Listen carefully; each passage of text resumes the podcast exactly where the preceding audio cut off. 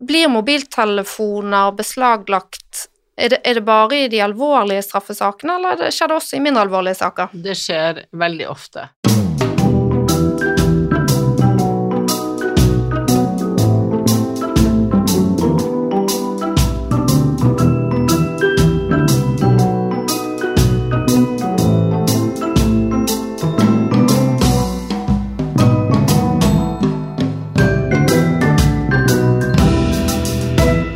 Er det klart for en ny episode av Rett og slett, en podkast om det som er rett og det som er slett i vår rettsstat. Denne podkasten er sponset av Karnov juridisk forlag. Mitt navn er Katrine Holter, og jeg er førsteamanuensis i rettsvitenskap på Politihøgskolen.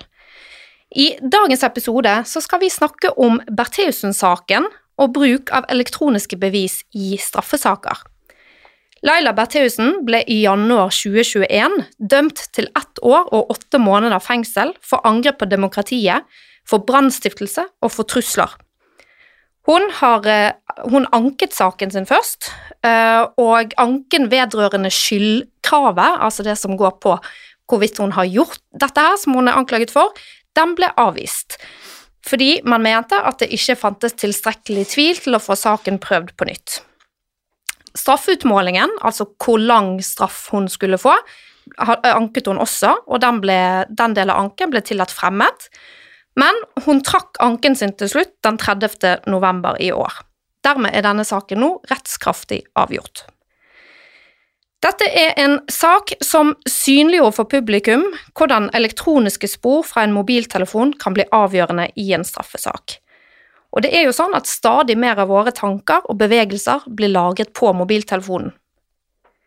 Beslag av eh, mobiltelefoner gir politiet tilgang til en stor mengde personlige data, både om den mistenkte og om uskyldige tredjepersoner. Det er et, en kjensgjerning at mobiltelefon i dag er noe annet enn det var for 15–20 år siden. På en mobiltelefon så finner man bilder, videoer, samtaler med familie og venner, personlige notater, apper som sporer bevegelse, søvnmønstre og eh, alt mulig annet. Så det er absolutt grunn til å anta at eh, mobiltelefonen er enormt betydningsfullt for oppklaring av en del straffesaker, men har det òg en nedside? Hvordan balanseres disse reglene mot hensynet til personvern? Dagens eh, første gjest er jusprofessor på Politihøgskolen. Hun heter Inger Marie Sunde og har forsket på politiets arbeid med digitale bevis. Hun leder også den forskergruppen på Politihøgskolen som heter Politiet i et digitalisert samfunn. Og hun skrev kronikk i Forskersonen som hadde tittelen Kunne Laila Bertheussen blitt dømt om saken skjedde for 15 år siden, der hun nettopp tar opp denne tematikken om bruk av elektroniske spor i straffesaker. Velkommen til Rett og slett. Takk. Kunne Laila Bertheussen blitt dømt om denne saken fant sted for 15 år siden? Ja, den største eh, forandringen siden den gang eh, på teknologisiden eh, og for personvernet, det er jo alle appene og sosiale medier som har landet ned på smarttelefonen. Dette skjedde rundt 2010, og siden har jo utviklingen bare akselerert. Og sosial, informasjon fra sosiale medier var med på å knekke troverdigheten til Laila Bertheussen. Og når den først eh, knekkes, så uh, styrker det jo på en måte den relative betydningen av de øvrige bevisene mot henne. Uh, nå det jo, er det jo sånn at det var en del andre bevis i saken også enn det som handler om elektroniske spor, eller databevis. For eksempel var det en tusj som ble funnet hjemme hos henne, som politiet, ekspertene, sakkyndige var sikre på at det hadde blitt brukt til å tagge veggen hjemme hos henne som, hvor det sto 'rasist'. Og også bilen, og det var papirer eh, som var brukt i en printer, som også matchet ting hun, som kunne knyttes til henne. Men det er altså bruken av treningsapper, helseapper, sosiale medier som gjør at man kan kartlegge Eh, veldig mye av hva man mener og foretar seg. Så det er klart at det har bedret eh, bevissituasjonen betraktelig for politiet.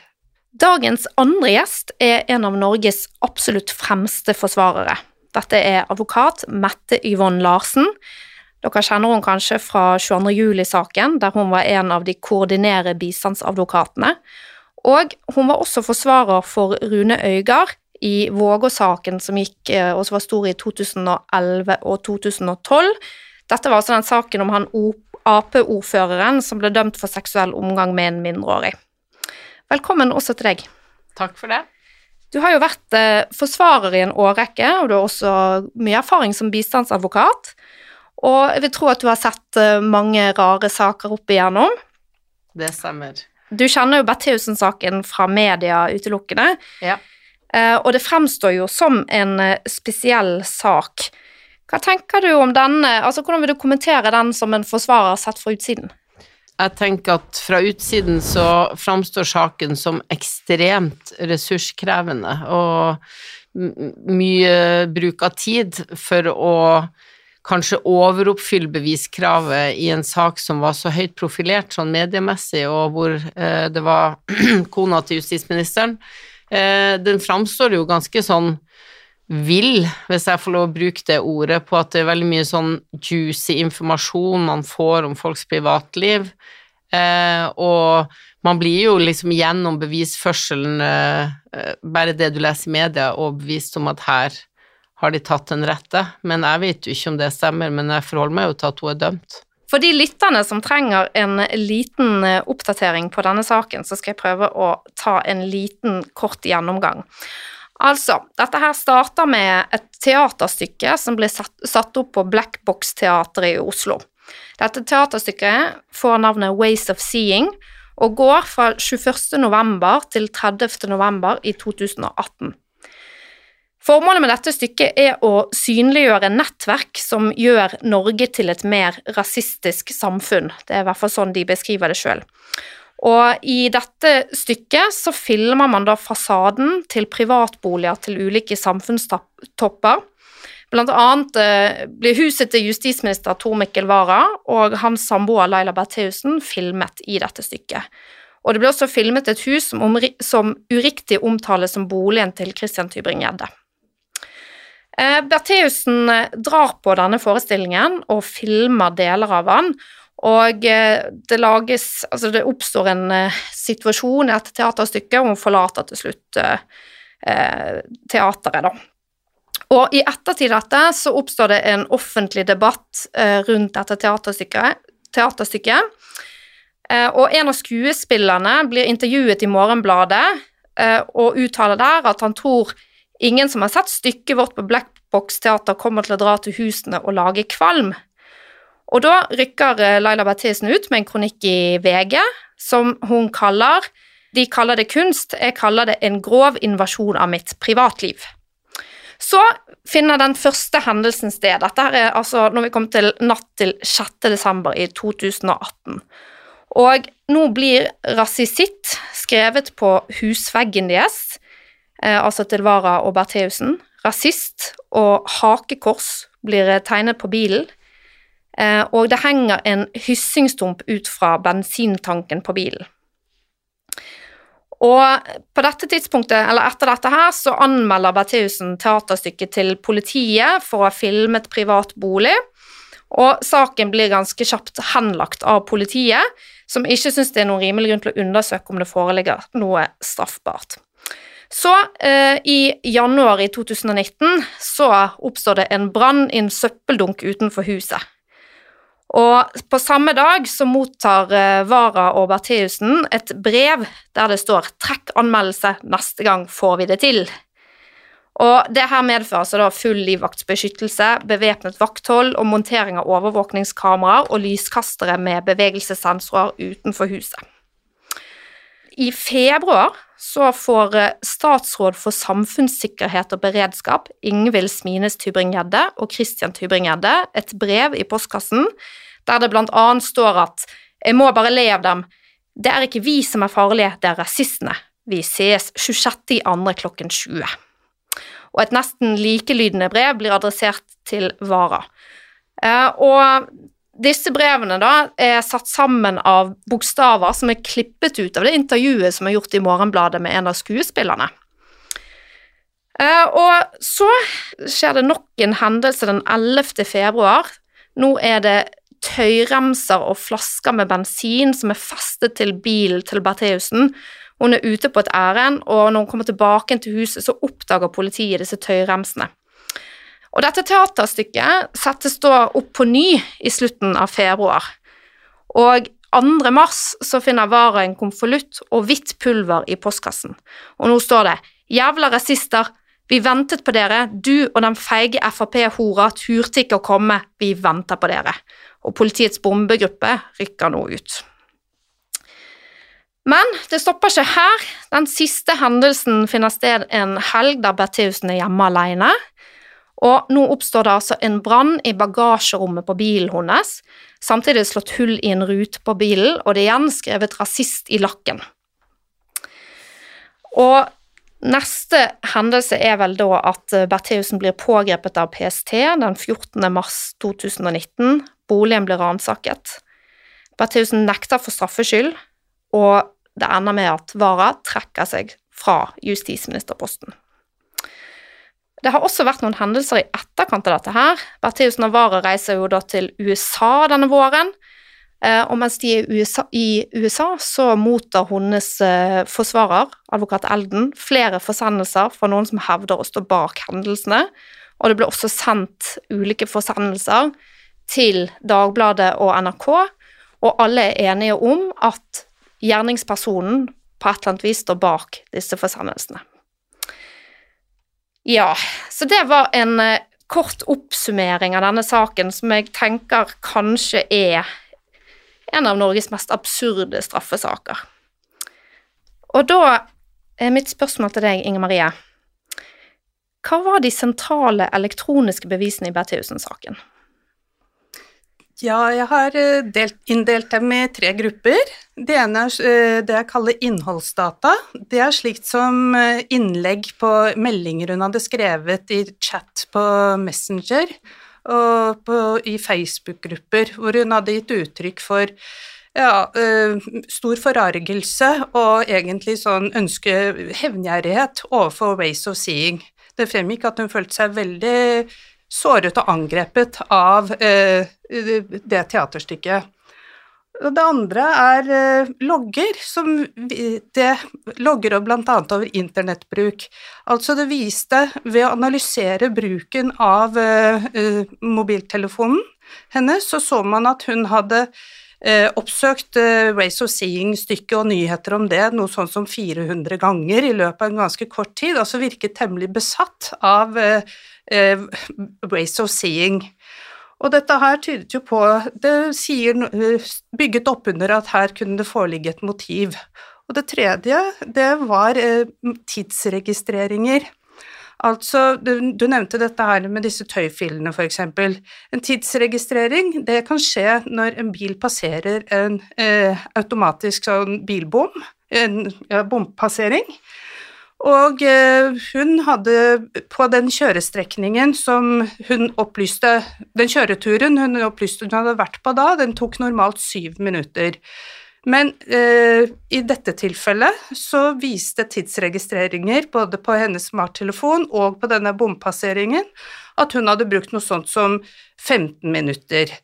Og det ville gi henne nok tid til å kunne feste disse uh, fillene og uh, flaskene uh, bak på bilen. at hun stoppet og kunne gjøre dette her, og late som da noen andre hadde gjort det. Så ja, tilbake til spørsmålet ditt, hva slags spor er dette her? Det er egentlig det som iblant kalles digital eksos. Det er spor som vi alle legger igjen etter, etter, oss når vi, i vårt daglige liv. Vi legger igjen elektroniske spor når vi betaler for noe, når vi passerer, når vi bruker bilen, når vi uh, søker etter noe på internett, handler, når vi kommuniserer med andre. Mm. Og uh, det er klart det har personvernkonsekvenser, men det gir også bevis i straffesaker. Ja, sånn at man kan Altså, man har på den ene side så har man eh, F.eks. at man blir fanget opp av et overvåkningskamera som er i en butikk eller på et offentlig sted. Eh, men så har du da også det som skjer på hennes mobiltelefon og på hennes PC, og måten hun, hva hun søker på på mobilen og på PC-en og på, på Google-søk og sånne ting, har jo også vært viktig her for å underbygge et eh, motiv, ikke sant? Absolutt. Kan jeg også få tilføye at uh, noe som virkelig bidro til å identifisere henne som uh, gjerningsperson, det var jo overvåkingssystemet på selve boligen, for der var det jo videokameraer og også en sånn innretning som registrerte når døren, inngangsdøren ble åpnet og lukket. Og dette overvåkingssystemet bidro til, å, til at man fant ut at den som hadde tent på, sørget for bilbrannen i mars, eh, måtte, kunne ikke komme fra noe annet sted enn fra denne boligen som var deres. Ja, ikke sant. Ja. Og her var det jo sånn at PST var jo inne, og så hadde de fått satt opp overvåkningskamera som følge av dette hærverket, ikke sant. Eh, og uh, Bertheussen selv var den som på en måte styrte med, med overvåkningssystemet. Uh, og det som kanskje er det mest felle beviset, som også gjør vel at PST etter hvert uh, får en sterk mistanke mot hun, da, som er grunnlaget for at hun ble pågrepet i starten, det er jo det at dette overvåkningskamerasystemet blir skrudd av akkurat i det tidsrommet der det blir en brann i bilen. Uh, så, men, så, det er jo spesielt. altså De fleste har jo ikke overvåkningskamera rundt husene sine på den måten, da. Men det er jo selvfølgelig ganske vanskelig for hun å forklare hva det er som skjer når det er hun som styrer med overvåkningskamera, og det går av akkurat når brannen er i gang. Eh, men så er det jo flere ting her, altså eh, Jeg vet ikke, altså Mette Yvonne, vil du si noe om hvor vanlig er det at politiet går inn i mobiltelefoner og går gjennom messenger-chatter og den slags som skjer i denne saken, da? Det blir jo mer og mer vanlig eh, i nesten alle straffesaker av en viss eh, alvorlighetsgrad. Trenger ikke være veldig alvorlig. og eh, det er jo fordi at eh, mobiltelefonen er jo nærmest en sånn avtrykk av livet ditt. Det er jo dagboka di, det er jo alt. Uh, og jeg tenker jo av og til, både på meg sjøl og andre, at man skal liksom være litt forsiktig med hva man faktisk Eh, hvor, hvor, mange Altså ikke det at man skal være redd for å legge en spor fordi du har tenkt å gjøre noe kriminelt, men mer den der eh, storebror ser deg-situasjonen. Fordi det som um, professoren her, Sunde, sier, er, det er jo veldig greit F.eks. det du formidler på Facebook, det må du regne med at noen kan ta bruk av. Og det du også ytrer deg, og det du Google-søker på og sånn, det må du også regne med. Men, men f.eks. når du Eh, bare bær med deg telefonen din, og at det også blir et bevis.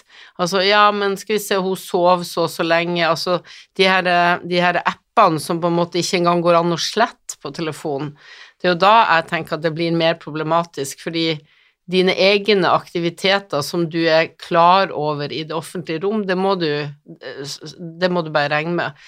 Så det er visse sider som er problematiske her, men det blir mer og mer vanlig, og vi bruker mer og mer tid på å analysere innhold, og vi har eh, vel også en problemstilling som stadig dukker opp, nemlig får vi tilgang på alt?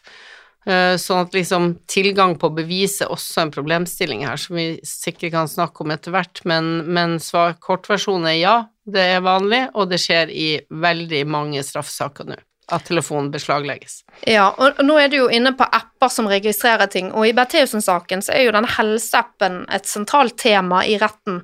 Eh, for hun har da en sånn innebygd helseapp som eh, Apple-telefoner har automatisk i fabrikkinnstillingene, som registrerer, eh, med mindre du skrur av den funksjonen, så vil den registrere hvor mange skritt du går, og i høydemeter og i lengde. Uh, og, og, denne blir jo gjennomgått uh, i detalj, da, og funnene fra denne blir jo gjennomgått i detalj i retten, for det viser jo at hun har vært i bevegelse ifølge telefonen, eller at i alle fall en person som har båret telefonen, har vært i bevegelse på et tidspunkt der hun forklarer at hun ligger og sover. Og blir brukt på ulike vis. selv om jeg opplever ikke at helseappen er så avgjørende i domfellelsen, egentlig, men, men det er interessant at noe man ikke tenker over kanskje så mye, som at man har en helseapp på telefonen, blir et eh, tema, da. Jeg registrerte jo at det var mange i mediene som eh, kritiserte eller reagerte veldig negativt på at opplysninger fra helseappen ble brukt. Tenker at eh, ja, det er sensitivt, og det anses jo som sensitiv informasjon etter europeisk eh, personopplysningslovgivning. Samtidig så handlet egentlig ikke dette her om hennes helseopplysninger, det handlet om når hun faktisk beveget seg. Og den informasjonen kunne man kanskje fått fra andre apper også, treningsapper, hvor folk eh, virkelig deler med alle når de er ute og beveger seg. Så det at uh, i dette tilfellet så reagerer ikke jeg så mye på det med helseappen, men jeg synes nok at uh, uh, forsvarsadvokaten her har et poeng når hun sier at det er jo problematisk med slike apper som rett og slett ikke lar seg avregistrere. De mm. er der.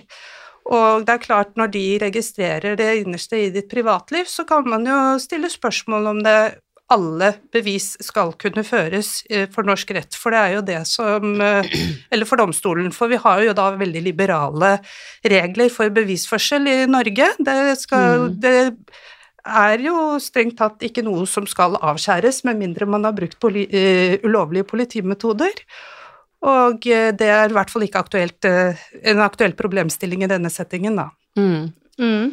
Og jeg tenker òg at kanskje der man må stille spørsmålet mer sånn i initialfasen, skal vi kunne bruke det, enn at jeg er jo absolutt enig i at det var ikke helseopplysningene som sådan i den saken, men mer ja, men du, du, gikk noen skritt, og du var der og ikke der, eller vi ser, vi ser på den appen, og, og at det er noe som borgerne ikke i noe særlig grad klarer å forutberegne, da, at nå Ok, nå skriver jeg dette på Facebook, det kan noen bruke mot meg, men at de har sjekka at jeg lå og sov bare tre timer og var oppe midt på natta og foretok meg noe, den er liksom litt mer problematisk. Så det, blir, det må jo da bli sånn at uh, Unnskyld uttrykket, men de kriminelle er jo gjerne et hestehode foran oss andre, og foran uh, bevisinnsamlingsmetoder, bevismetoder uh, i en straffesak, sånn at jeg vet jo sjøl gjennom mitt arbeid at det er jo eh, ingen som går med en iPhone eh, rundt hvis de faktisk har tenkt å begå eh, Hvis de planlager en straffbar handling, da. Så det blir liksom Her er det noen som kanskje har vært litt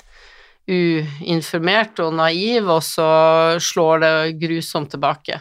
Mm. Så spørsmålet om bruken er helt enig med deg, Sunde, at det, det, det kan være problematisk. Og det som du er inne på nå, og som jeg har tenkt litt på, er jo hvordan eh, alt dette som lagres på mobiltelefonene våre uten at vi er klar over det engang, altså hvordan truer det egentlig selvinkrimineringsvernet?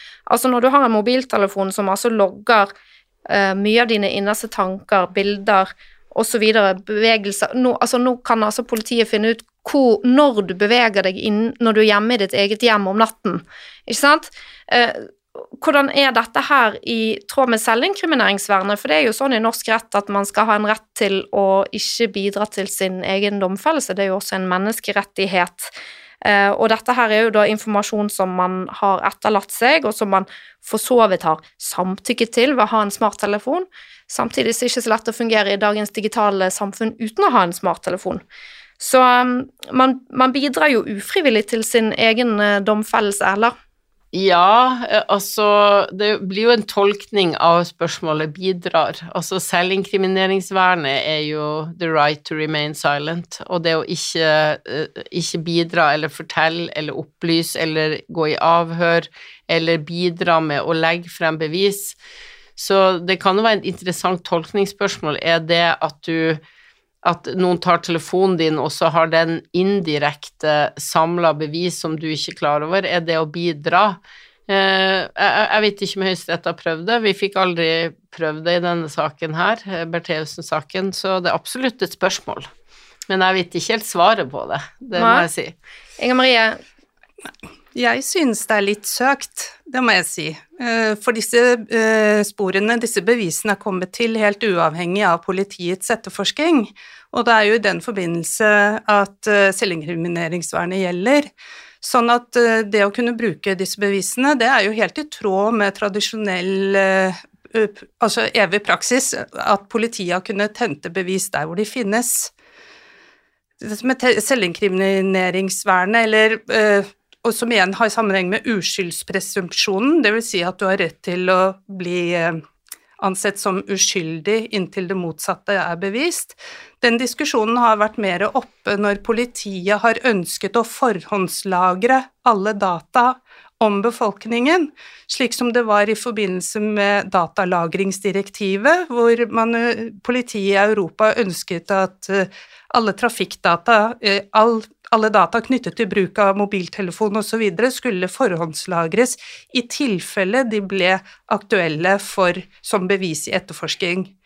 Det mente eh, det europeiske datatilsynet at var i, ville bryte med uskyldspresumpsjonen, og dermed implisitt også selv, gå utover selvinkrimineringsvernet. Mm. Men jeg syns ikke det er så relevant her med bevis som allerede eksisterer, det må jeg si. Mm.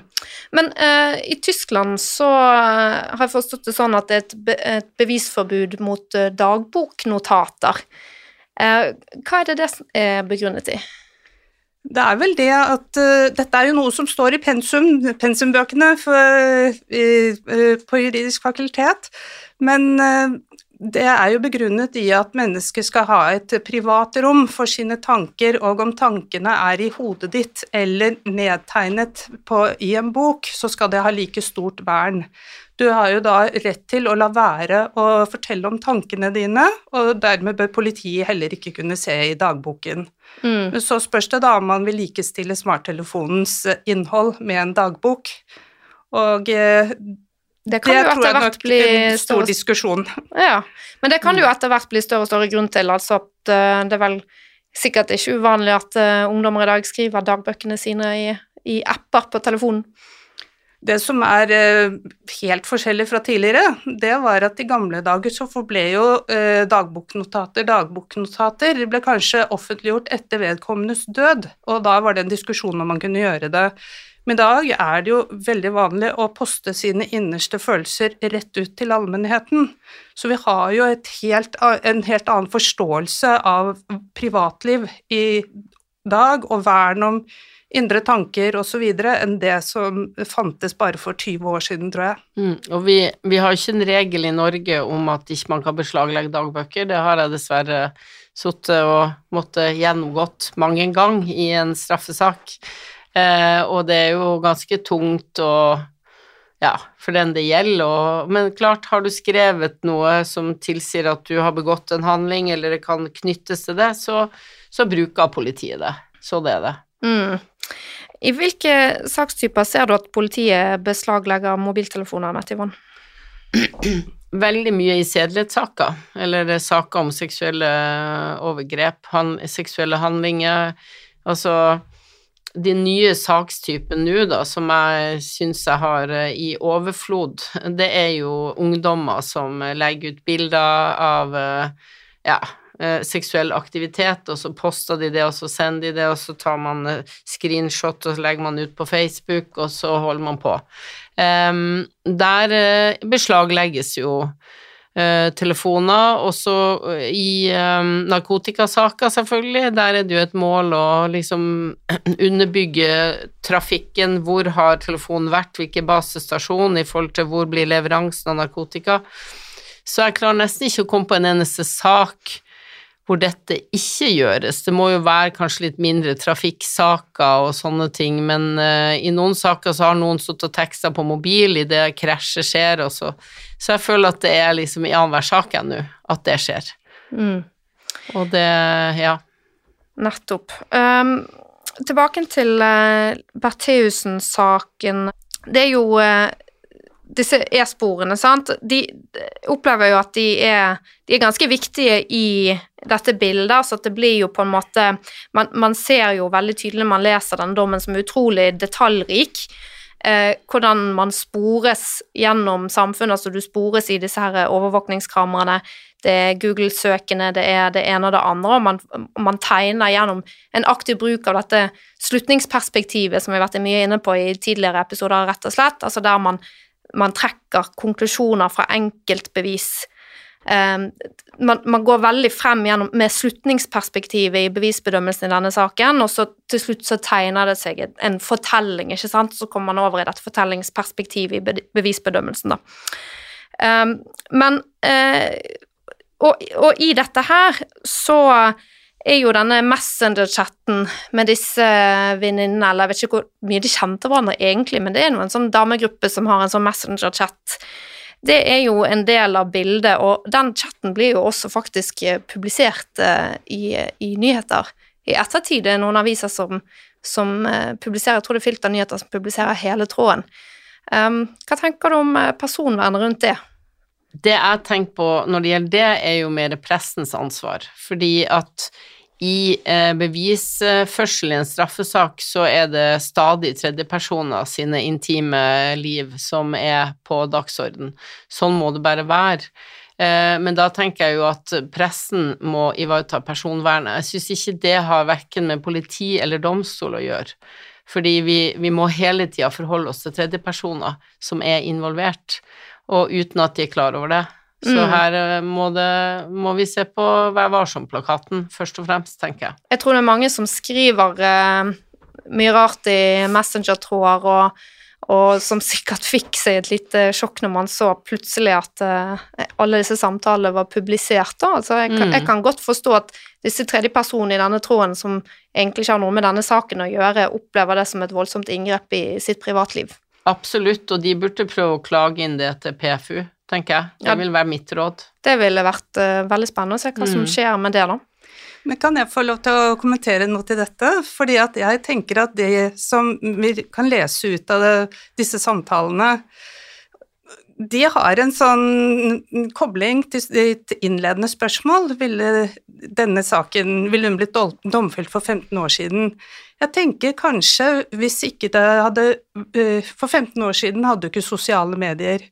Sånn som disse uh, chatloggene i denne saken her viser, så har venninnene nærmest heiet på Laila Bertheussen. De har støttet henne på alle måter, i forargelsen og forbitrelsen og ways of seeing, og også i hennes ønsker om hevn, og liksom skulle knytte Ja, å få hevn over ways of seeing.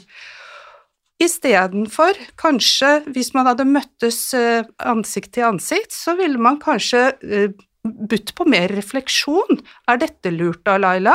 Mm. Eh, burde du ikke tenke deg om to ganger? Men sånn fungerer ikke sosiale medier, for det er ekkokamre, og er, man heier på hverandre, og det er veldig kort vei fra ord til handling, på en måte. Så man blir på en måte forsterket i forsetet.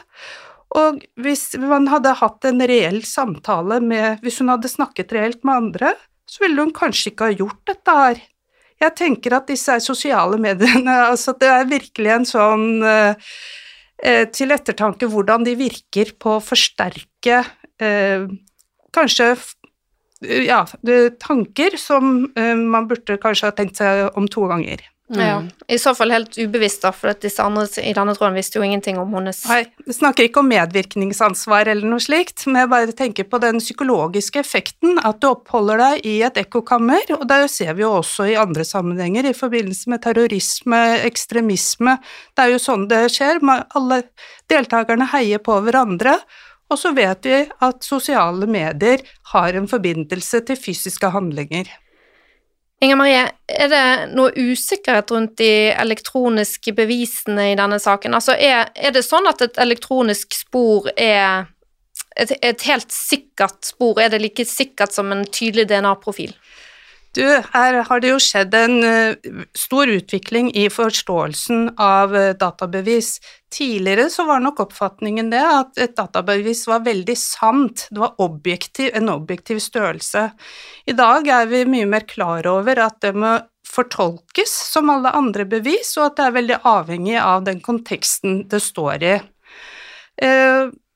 Sånn at det hefter jo usikkerhet ved databevis, akkurat som det gjør ved for så vidt eh, DNA-spor og andre bevis. Men til denne Bertheussen-saken vil jeg si at det var ingen eh, påstander om noe usikkerhet, det knyttet seg ingen usikkerhet til databevisene. Og aktor og forsvarer var også helt enige om at det var bare én person som hadde gjort alle disse handlingene, så spørsmålet var hvem var det? Var det Laila Bertheussen eller en annen? Og der var det jo for så vidt sånn, Det fikk jo et etterspill, på en måte, fordi at eh, de elektroniske sporene limte sammen hele bevisbildet, og de pekte mot henne. Men så fikk du den, eh, disse forsendelsene eh, til eh, advokat Elden i ettertid, som ble sendt fra Sverige annet, mens Bertheussen beviselig hadde vært i Norge. Da kom det jo opp et spørsmål, det måtte jo være mulighet for at det faktisk var en annen enn hun som var gjerningspersonen. Men her kom jo retten til at eh, hun nok heller hadde fått hjelp av, eller på en eller annen utnyttet en annen person da, til å sende disse brevene. Jeg mener at hovedproblemet med bevisene som man har for hånda, eh, i hvert fall elektroniske spor, ta tekstmeldinger eksempel, som gjerne er en lang tråd, eh, eller WhatsApp-meldinger, eh, hvis teknikken svikter sånn at ikke man får fram alle meldingene sånn at konteksten forsvinner, så kan det være ganske farlig. Da kan man tenke at ei melding betyr det eller det, og så betyr den kanskje noe helt annet. Så der tenker jeg jo at eh, forsvarere har en stor, et stort ansvar og en stor jobb med å sjøl analysere det de får. Altså Kripos er jo fantastisk god på å lage disse skjemaene og visualisere hele datatrafikken, men de gjør det på en måte sånn at det ser bedre ut enn det er, da. Det tenker jeg av og til, sånn at jeg vil alltid som forsvarer tenke at jeg må gjennomgå det samme materialet, og det er ikke alltid jeg får anledning til, og det er den største rettssikkerhetsproblemet i disse sakene, at eksempel hvis du har en sak med seksuelle overgrep, da, for å fjerne oss litt fra Laila Bertheussen et øyeblikk, så, så vil du be om Så har man tatt ut meldinger fra fornærmedes mobiltelefon eh, som underbygger hva de har skrevet, og så sier jeg meg, jeg vil gjerne ha utlevert den telefonen for å sjøl eh, gjøre eh, Eller ikke utlever telefonen, men speilkopien for å sjøl gjøre mine søk. Og der har du jo rettspraksis som er ganske sånn konservativ på at det er ikke gitt at, at eh, For det, der har du med personvernet for fornærmede. Så jeg har liksom noen ganger måttet gå til lagmannsretten og sagt at jeg må ha dette for å se hva det her er. Så akkurat det er en sånn bekymring man har. Får jeg mulighet til å gjøre den samme analysen som politiet gjør? Ja, ikke sant. Og Ja. Ja.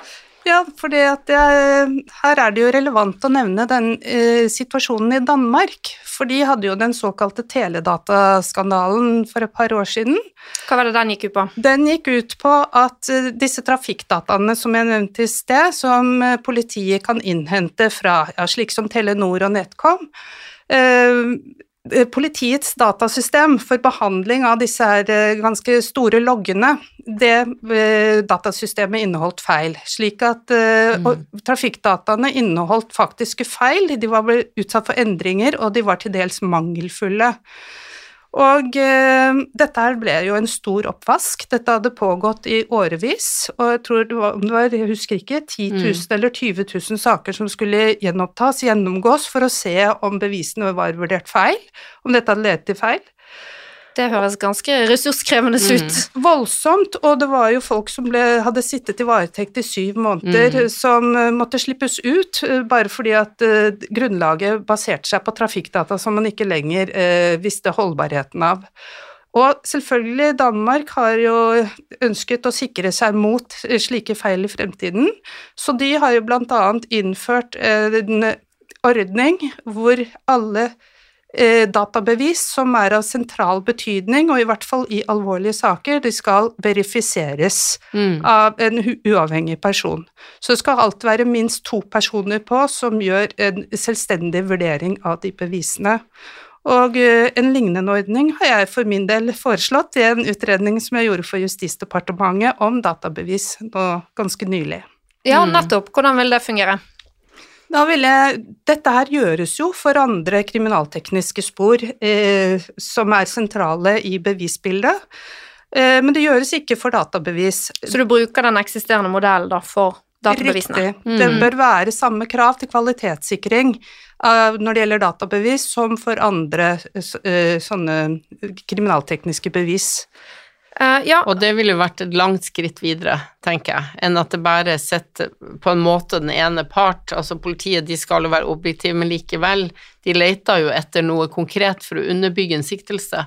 Og hvis det var noen eh, eksterne som skulle kvalitetssikre, så hadde jo det gjort jobben lettere for en forsvarer som har vesentlig mindre ressurser til å analysere det. Nettopp. Og Norge ble jo faktisk eh, dømt for brudd på menneskerettighetene og retten til privatliv i fjor. Der var det den tiltalte som hadde varslet at mobilen hans inneholdt taushetsbelagt korrespondanse med sin forsvarer, og at hans privatliv var krenket når politiet da gjennomgikk hele mobiltelefonen, og dermed også fikk tilgang til den korrespondansen med forsvarer. Og dette er jo et hellig prinsipp at ikke politiet skal ha innsyn i, i dine samtaler med din forsvarer. Um, Mette Yvonne, hva, hva, tenker du om den domfellelsen av Norge der? Nei, eh, den kom jo Den avgjørelsen kommer jo som en viktig avgjørelse for, eh, for nettopp det eh, konfidensialitetsvernet som advokat-klient har, altså det lawyer-client privilege, altså at man skal kunne kommunisere åpent med sin advokat. Og det, mange tror at det handler om at den tiltalte sitter og forteller meg jeg har jo drept en dame, men det skal jeg ikke fortelle til noen, bare du som vet det. Det er ikke sånne ting, men det er mer at vi skal kunne sende mailer og snakke med hverandre fritt. Og det har jo fått nå et etterspill Eh, den saken har jo Riksadvokaten sendt ut et rundskriv, og, det pågår en prosess i rettssystemet nå eh, hvor, hvor, reglene med god grunn har blitt innskjerpa. For selv en siktet og en tiltalt må ha et eller annet rom som er hans, eh, og, og det handler også om at forsvareren må kunne rådgi uten at Uh, han tenker at nå er det Altså, jeg, jeg, sitter jo ofte når jeg snakker i telefon med deg, eksempel, eller deg, så tenker jeg at uh, kanskje det er noen som følger med på den samtalen, fordi de vet kanskje at jeg skal snakke med en som er under uh, eh, under sånn um, KK, altså telefonkontroll så du, du Sånn liksom, hemmelig avlytting, KK? Ja, ja, KK, at de sitter og, og, og tenker Og jeg sitter og tenker sånn Nå må jeg tenke over hva jeg sier. Ja, fordi at du har klienter som da kan være underlagt uh, hemmelig avlytting. Ja. Og da eh. vil de også høre på den samtalen. Men det at de ikke kan bruke den samtalen, føles jo som en trygghet, for at du ikke bare blir en sånn nikkedukke som ikke verken kan utfordre klienten din eller støtte eller rådgi. Mm. Så jeg er glad for den avgjørelsen. Mm.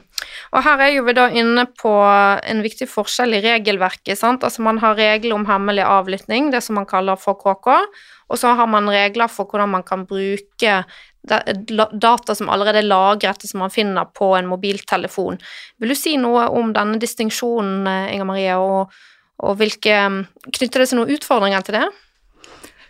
Altså, jeg tror vi er i dette rom skjønt enige om at politiet ikke skal ha tilgang på uh, kommunikasjonen mellom en, en, mistenkt har med sin advokat, eller som noen som helst har med sin advokat.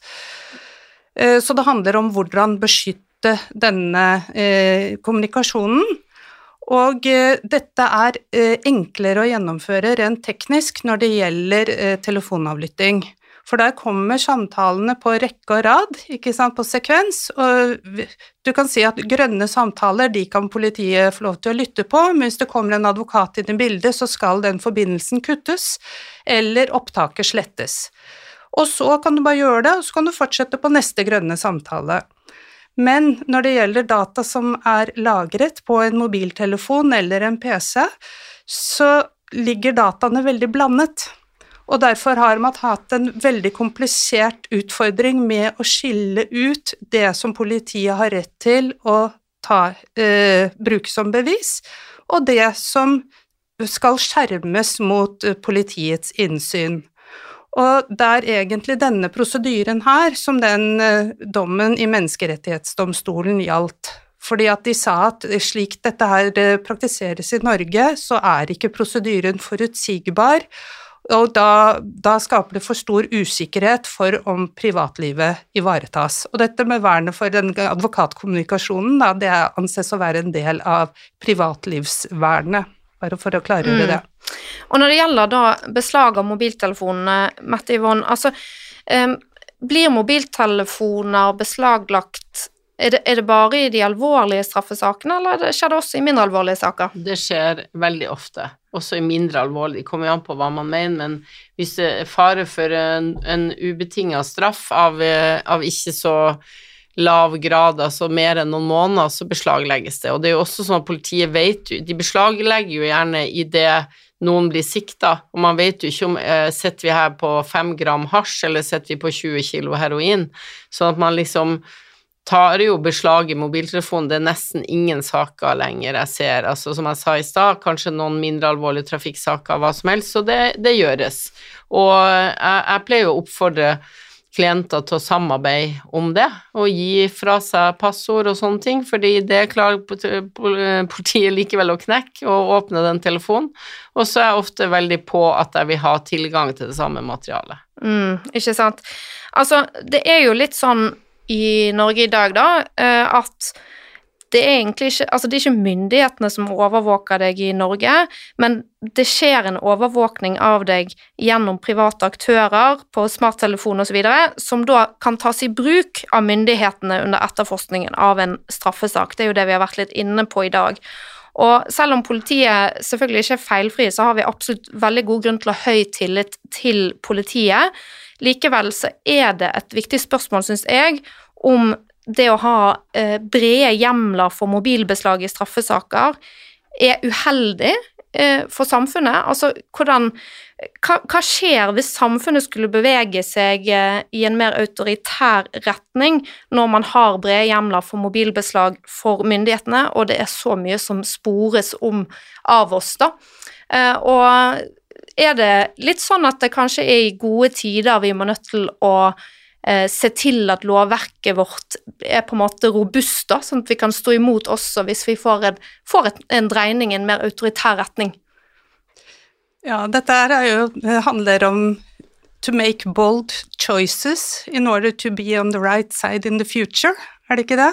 Mm. Um, det er altså sånn at lov, eh, lovreglene nok må inngå i et samspill med hva som er teknisk mulig. Og teknologien uh, for å sikre uh, databevis, den utvikler seg stadig. Og den gjør også at politiet etter hvert kan arbeide mer målrettet og ikke sikre så stort uh, databevis i så stort omfang og så bredt som det har hittil vært gjort. Og dette er egentlig et spørsmål om forholdsmessigheten av den sikringspraksisen som politiet har bedrevet. Politiet skal jo ikke egentlig sikre mer enn det som er nødvendig for å belyse saken, men de teknologiske løsningene har ikke gjort det mulig å arbeide veldig målrettet. Og derfor sitter politiet på veldig store datamengder, og det har jo selvfølgelig en stor konsekvens for personvernet. Hva skjer med overskuddsinformasjonen, da? Blir det lagret? Den blir lagret uh, som Og dette her er jo også et uh, Hva med lagring og sletting av overskuddsinformasjonen? Det er jo en het potet. Fordi at på den ene siden så uh, ønsker ikke politiet å sitte med veldig store og egentlig uhåndterlige datamengder. Det er på en måte støy. På den annen side, hva hvis det kommer en gjenopptakelsesbegjæring, og hvor man påstår at dere overså frifinnende informasjon i mm. dette databeslaget? Ja, det er en vanskelig avveining. Ja. Mm. ja. det er en vanskelig avveining, men det er jo ganske klare regler for når dette skal slettes, og regler om at nærst, kommunikasjon mellom nærstående og mellom klient og advokat, så så det er klart at det er fristende å argumentere for at hva hvis det skjer, så må vi kanskje beholde likevel, men man må der har jo Høyesterett eh, tegna opp ganske tydelige regler eh, om hvordan eh, når er det det skal slettes, og hvilken type informasjon skal slettes. Mm. Og den tror jeg man må bare følge, selv om det er mulig at det skjer noe i framtida. Mm. Altså det her avhenger jo litt av om vi snakker om advokatkommunikasjon ja, ja. eller all den andre informasjonen. Mm. Jeg oppfattet Vi er enige om at advokatkommunikasjonen skal mm. slettes, men det er den øvrige informasjonen som ikke For det er i databeslag så beslaglegges veldig store mengder irrelevante data. Mm. Det er ikke mm. advokatkommunikasjon, men det er bare et lite fragment av dette her som faktisk brukes som bevis. Hva med resten? Mm. Der er det uklare lagringsregler. Ja. Det, har del, det har vært en del klargjøring av rettsregler når det gjelder kommunikasjon mellom nærstående også. De som ikke har vitneplikt etter loven, skal man kunne oppbevare det, eller skal det slettes? Så det skjer ting, men det er fortsatt uklart, det er jeg enig i. At man må prøve å bevege seg i det, det litt uklare rettsrommet. Og hvis politiet, når de gjennomsøker mobilen i én straffesak, finner eh, bevis for andre straffbare forhold, hva skjer da? Det kommer an på om det er tilfeldighetsfunn eller ikke. Politiet har ikke lov til å søke aktivt, f.eks. kjøre et standardprogram for å se om noen besitter overgrepsmateriale av barn. Eh, det kunne man jo gjøre, men i en økonomisk straffesak f.eks. så skal eh, eh, politiets undersøkelser rette seg mot den økonomiske kriminaliteten. Man skal ikke bare samtidig sette på et sånt analyseprogram som kan avdekke den type bilder. Mm. Det vil være ulovlig, og det, kan, det kan man da ikke forfølge strafferettslig. Men så er det det som heter tilfeldighetsfunn, når man gjennomgår et beslag etter boka, altså bare det økonomiske, så kan man tilfeldigvis komme over f.eks. overgrepsbilder. Da kan man uh, utvide siktelsen og også straffeforfølge det. Mette Yvonne, um, og nå nærmer vi oss slutten her, men um, burde Datatilsynet vist mer oppmerksomhet for politiets bruk av elektroniske bevis, etter din mening? Ja, altså det krever jo at sakene bringes inn for Datatilsynet, og at de har et system for å overvåke det. Dette er jo ganske komplisert, både regelverk og praktisering. Så jeg tenker jo kanskje at eh, Datatilsynet i hvert fall skal bidra inn på regelsida. Når det lages regler, så må de være på ballen. Uh, og jeg vet ikke hvor mye de er på ballen. De er kanskje ikke så synlige som vi kunne ønske oss i den offentlige debatt om eh, hvordan disse reglene skal være. Så, men svaret er ja. Alle som kan kontrollere det som skjer i et såpass sensitivt rom, eh, er, er, syns jeg er hjertelig velkommen. Har du noe å legge til der, Inger Marie? Nei, jeg var jo glad da Datatilsynet fikk ny leder for en del år siden nå. Han er jo blitt likestillingsombud i disse dager. Men det er viktig at Datatilsynet har holdt jeg på å si moderne og også noe teknologivennlig innstilling, fordi at vi må faktisk erkjenne at teknologi og vår digitale eksos er en del av vårt liv, og da må lovgivningen være relevant i forhold til den. Mm. Ja, det tror jeg er skikkelig viktig, mm. det du sier på slutten der. Eh, helt eh, avslutningsvis så lurer jeg på om det er noe dere har lyst til å fremheve som dere synes er rett eller slett i vår rettsstat. Eh, og da begynner jeg med deg, Inger Marie. Det jeg syns er slett, det er eh, forestillingen om at eh, GDPR styrker personvernet. Vi blir avtvunget samtykker på alle kanter for å kunne delta i samfunnet, og med det så gir vi persondataene våre til the big tech og overvåkingskapitalismen. Og jeg syns at det er slett at politikerne er så passive i forhold til den utfordringen. Mm. Tusen takk. Mette Yvonne?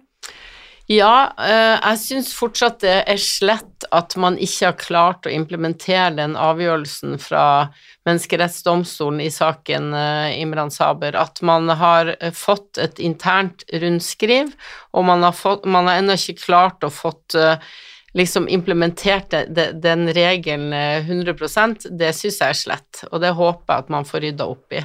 Men ellers er det jo mye som er rett her, men det skal jeg ikke ramse opp nå. Ja, Supert. Tusen takk til eh, dere begge for at dere deltok i Rett og slett. Og tusen takk til du som har lyttet på oss. Eh, dette var eh, siste episode i denne omgang om Første og siste episode om, om Bertheussen-saken og elektroniske bevis. Men vi er tilbake igjen om ikke lenge med en ny episode om noe som er rett eller slett i vår rettsstat. Takk for i dag.